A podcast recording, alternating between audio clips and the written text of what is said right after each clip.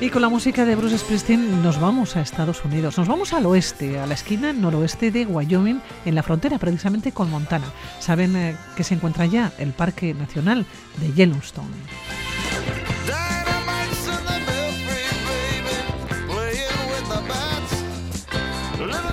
Xavier Bañuelos, eh, que nos llevas hasta Yellowstone, que nos llevas al corazón de los Estados Unidos. ¿Cómo estás? Caiso, pues estupendamente. Y aquí con Bruce Springsteen ya me dirás, con el dos.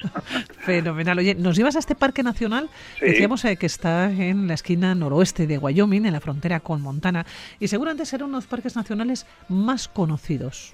Hombre, yo creo que es uno de los más emblemáticos del mundo. De hecho, fue el primero que se estableció en todo el planeta.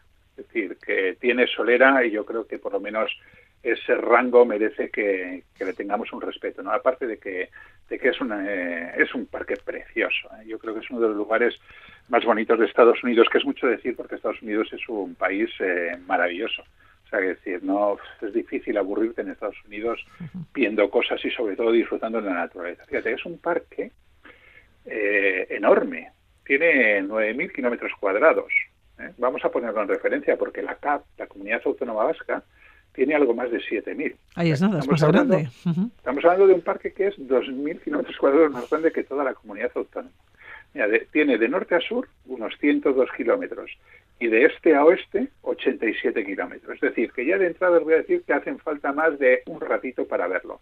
¿eh? Hay que ir varios días para si, se quiere disfrutar bien. Y luego, efectivamente, está, en como has dicho bien, en la esquina noreste de Wyoming, en la frontera con Montana, pero también eh, en, la, en, la, frontera, digamos, eh, oeste de Wyoming, entre Wyoming y, Idaho. En realidad está en estos tres estados, lo que pasa que sí que es verdad que el 96% de todo el parque está en Wyoming, o sea, podemos decir que es un parque es, es, un parque que está que está en Wyoming, y además es, es, muy variado y una altitud, eh, la altitud, digamos, mayor es de unos 2.400 metros sobre el nivel del mar, con lo cual ya tenemos allí montañas para ir a tomar aunque en realidad eh, deberíamos decir, para ser rigurosos, que es una zona de transición. Es una, zona de transición entre las grandes llanuras, que nos sonará, ¿no? Pues por los Sioux y demás, y todas las poblaciones indias que poblaban todas estas, toda esta parte, digamos, central, el corazón central de, Estados Unidos, entre las rocosas y los Apalaches, por dar una zona de transición entre las grandes llanuras, el sur de la, de la gran meseta y el norte de la gran cuenca, ¿no? Y siempre con las rocosas hay presentes, ¿no? Que están como grandes dioses de, de piedra eh, siempre sobre nuestras, sobre nuestras cabezas. Es un parque tremendamente variado, por lo tanto, tanto desde un punto de vista geográfico y paisajístico, y muy variado también desde el punto de vista geológico. Es decir, realmente la geología aquí va a tener mucha presencia, ya lo, ya lo veremos, porque como vamos a dedicar tiempo al parque ya lo vamos a ver. Y luego también es un parque muy diverso desde el punto de vista biológico. Tiene una gran biodiversidad. Es un magnífico ejemplo, por ejemplo, de bosque templado, y luego en fauna yo creo que tiene las especies más emblemáticas de, América del Norte. Y arriesgando un poco, te voy a decir, que probablemente, digo arriesgando un poco porque como, como, digo Estados Unidos es muy grande, ¿no? Probablemente sea el mejor lugar de Estados Unidos para, para la observación de fauna porque eso es muy fácil. Es muy fácil ver fauna en Estados Unidos. Bueno, pues aquí es súper fácil. Vamos, que es, un lugar súper especial. ¿eh? Muy variado, además es muy grande. Aquí, eh, bueno, lagos, cañones, ríos, cadenas montañosas. Eh, pero, pero si hacemos un poquito de, historia, claro, los nativos americanos vivieron en esta región de Yellowstone al menos durante 11.000 años. Es tierra de nativos americanos. Sí, como, como todo el continente. Bueno, claro. Sí, 11.000 años más. Eh, bueno, a ver, eh, lo de los 11.000 años vamos a tomarlo como referencia porque las últimas investigaciones pueden estar retrasándolo un poquito, ¿eh? la, aparición de, de los, eh, digamos, indígenas americanos en el continente. Pero sí, efectivamente, ha sido una zona siempre poblada, es verdad que no con mucha densidad. digamos que los, los indígenas que vivían en, en esta zona Mm, cuando llegan allí los, los blancos, eh, son los, los Absaroka. ¿eh? Que Absaroka nos va a sonar poco, pero seguramente que nos suenan más los Crow, ¿eh? que es como les llamaron los, los blancos. ¿no? Y estos, estas, este pueblo, el pueblo Crow, el pueblo Absaroka, habitaba todo lo que son las tierras del valle del río Yellowstone. Pero en realidad también es una zona de frontera, porque digamos que eh, en toda esta zona se juntaban toda una serie de, pueblos, ¿no? Por ejemplo, los Gosventre y los Pies Negros, eh, los Sosones, los Bannock, los Nesperse, eh, la nación Flathead, ¿no? que son los Cotenay, los Salis y los Penoriere, e incluso, incluso indios de las grandes llanuras también se acercaban a esta, a esta zona, hemos dicho que era zona de transición, como por ejemplo todos los pueblos Lakota, ¿no? o sea, los Sioux. Eh, los primeros blancos eh, que tienen, digamos, eh, contacto con los Absaroka son dos franceses que se apellidaban Les Vendries, que vendían de, Canadá. Estamos hablando de 1743. Pero los primeros en aventurarse en Yellowstone son los que allí se conocen en Estados Unidos como los mountain men, ¿no? Los montañeses. Eso es. Los hombres de la montaña, ¿no? Sí. Eso es, desde inicios del siglo XIX más y menos, ¿no?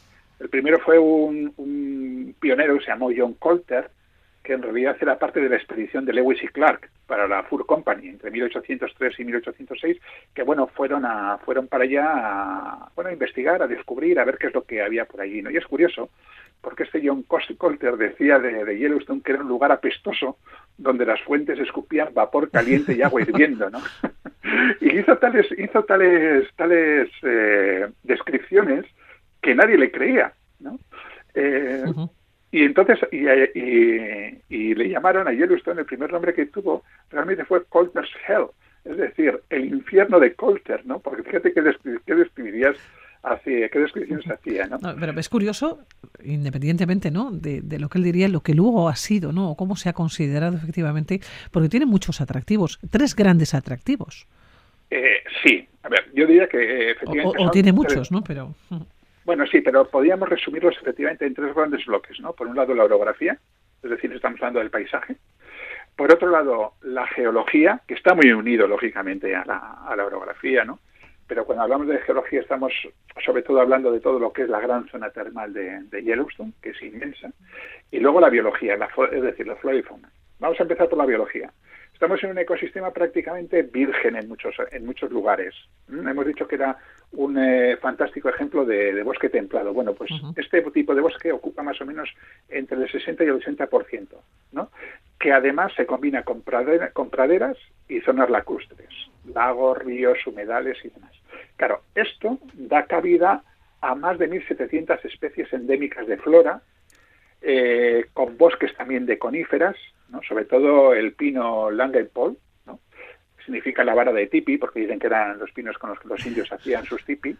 Luego tenemos también grandes olmedas, sauces eh, y, una especie muy interesante que es el álamo temblón, que en su día había mucho, después sufrieron muchísimo y prácticamente se extinguieron y que poco a poco, a poco se ha ido recuperando. Y luego tenemos la fauna, aves, el águila pescadora y el águila calva. El águila calva, que es el águila, digamos, que es el emblema del país, ¿no? el, que aparece en las monedas y demás. Luego tenemos puma. Tenemos, cuidado, el puma no es fácil de ver, ¿eh? No es fácil de ver, pero hay. Eh, coyote, el coyote sí es fácil de ver. La marmota, el lince, guapitis, ciervos de Virginia, cabras de las rocosas. No, qué maravilla, ¿eh? ¿eh? Sí, sí, carneros de las rocosas, alce. Y luego los osos sobre todo es más es fácil de ver o más fácil de ver el oso, negro, pero también hay grizzlies enormes ¿eh? y cuidado con encontrarte una. ¿no?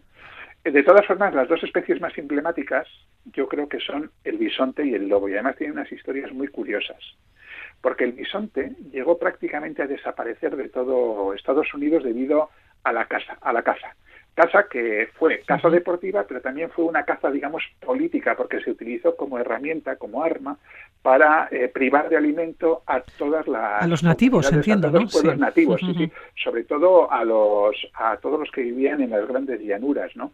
Eh, o sea, fue realmente una especie de arma que se utilizó contra, contra ellos para matarles de hambre, ¿no? Pero estamos hablando de que había entre 60 y 100 millones de, de búfalos antes de llegada de los ingleses y ocupaban una extensión desde México a Canadá. ¿eh? Entonces, digamos que en este siglo XIX sería una matanza indiscriminada, ¿eh? digo, por, ese, por esos motivos que hemos dicho, y también por el valor de las pieles, y en 1890 quedaban apenas 800 ejemplares de búfalos y algunos en zoológicos. Prácticamente se les exterminó. Bueno, pues del zoológico de Bronx se llevó una, mañana, una manada a Yellowstone y se, se le declaró especie protegida. Y actualmente hay unos 350.000. 100.000 más o menos en estado salvaje y el resto como ganado. De hecho, hay granjas de, de búfalos. bueno, eh, pues en Yellowstone tenemos unos 4.000 y además es súper fácil de verlo, y muy, muy emocionante. Bueno, cuando uno llega a Yellowstone, se puede andar, no, entiendo, no sé si caminar, pero se puede estar allá o hay zonas protegidas, porque claro, hay mucha fauna, nos decías, algunos de estos animales pueden resultar peligrosos. Has mencionado al puma. ¿Se puede andar por allá? ¿Se puede estar por allá? A ver, todo el parque está protegido. Todo. Eh, lo que pasa es que sí que es verdad que hay rangos de protección. Es decir, hay, hay zonas de acceso más fáciles y zonas de acceso más difíciles. Es decir, está el, los de acceso fácil, luego está lo que se llama el wilderness, es decir, em, wilderness, como traducido en el castellano, la zona más salvaje, ¿no? Donde ahí ya no puedes acceder en coche, tienes que ir a caballo o en bicicleta o andando. Eh, entonces, eh, todas las zonas que están surcadas por carreteras, que son fáciles de llegar, y ahí puedes, eh, y, se llega a los sitios, digamos, más, más eh, impactantes del parque, llegas con muchísima facilidad. ¿Puedes ir solo o necesitas un guía? No, puedes ir solo perfectamente. ¿Eh? De hecho, vamos, eh, tú, por ejemplo, si quieres meterte al Wilderness, que sería la zona más peligrosa, porque ahí sí que no hay nada, no hay nada, o sea, hay algunas zonas de acampada y además tienes que ir provisto, pues, de tu de tu repelente de osos, por ejemplo, eh, andar con mucho cuidado. Cuando acampas tienes que dejar las, las cosas, eh, la comida colgada. O sea, ¿te acuerdas de lo que veíamos de los oyogi? De los oyogi, que te robaba la comida, sí. Bueno, pues, pues tal cual. tal cual. Y tienes que, andarte, tienes que andarte con ojo, porque tanto el oso negro como el grizzly, hombre, a ver, no van atacando a la gente, ¿eh? es decir, como casi ningún animal, pero sí que puedes tener un encontronazo imprevisto con él, se sienta amenazado y pueda, pueda, pueda atacar o eh, te entre en el coche para robarte la comida porque te la has dejado. Ahí, de hecho, hay unos, hay una especie de cofres de, hierro prácticamente herméticos que es donde tú tienes que dejar la comida para que no vayan para allí los osos y puedan abrirlo. Pero es que un coche, el oso además te abre el coche, te destroza la puerta, te abre y, te entra y te come lo que, lo que, lo que tengas dentro. pero en realidad, salvo los encuentros, por los encuentros con los osos, no hay mucho peligro. Entonces, eh, hay senderos marcados de, con recorridos de distintas longitudes, con lo cual no tienes ningún problema y pidiendo un permiso especial que te lo conceden sin ningún problema, te puedes pasar de la zona, digamos, más transitada a la zona del wilderness y pasar dos, tres, cuatro días en acampada libre disfrutando, eh, vamos, a tope de, naturaleza, eh, ya te digo, en algunos momentos casi hasta, hasta virgen, porque es que además es un paisaje de belleza espectacular. Eh, tanto en, tanto en su conjunto como si vas por, por parte. Tiene, casi, de todo. Sí, montañas de hasta 3.400 metros, llanuras de praderas, lagos. Entre, entre ellos está el lago, el, eh, uno de los lagos más grandes de Estados Unidos. Eh, ríos como el, el, Yellowstone o el río Lamar, valles y cañones. El cañón, por ejemplo, Yellowstone River y el Lewis, los dos cañones son preciosos. Tiene más de 290 cascadas de más de 4 metros. Sea, es que es una pasada. Y luego, desde el punto de vista geológico, es absolutamente espectacular, porque es un lugar geológicamente activo. Estamos hablando que es todo Yellowstone, es una caldera volcánica. Una caldera volcánica que está sobre un punto caliente. ¿no? Entonces, un punto caliente es, eh, los volcanes normalmente se asocian a los límites de placa, ¿no? De, placas tectónicas. En esos lugares donde chocan o donde, donde rozan, donde eh, se juntan las placas tectónicas, normalmente se abren espacios para que ascienda el magma que va desde abajo. Bueno, pues realmente este no está asociado a un, a una, a un límite de placa, sino que hay un punto caliente magmático eh, en el interior de la Tierra y desde ahí sube, asciende asciende, digamos, el magma y eso hace que sea un lugar eh, geológicamente muy activo, muy activo, ¿no? Con lo cual eh, tenemos una caldera volcánica inmensa, bueno, tan inmensa como que es la más grande del mundo. ¿eh? Es lo que los geólogos y las geólogas llaman un supervolcán. Y está activo. El día que eso explote... Pues se van a llevar un susto, ¿eh? Bueno, un susto, quiero decir, no sé, con, con aquel meteorito se extinguieron los, los, eh, dinosaurios hace 60 millones de años. Vete a saber lo que puede pasar si es cuando explote, porque explotará, ¿eh? el supervolcán de, de, de Yellowstone, ¿no? Eh, fíjate, un supervolcán es una cámara magmática mil veces mayor que un volcán convencional.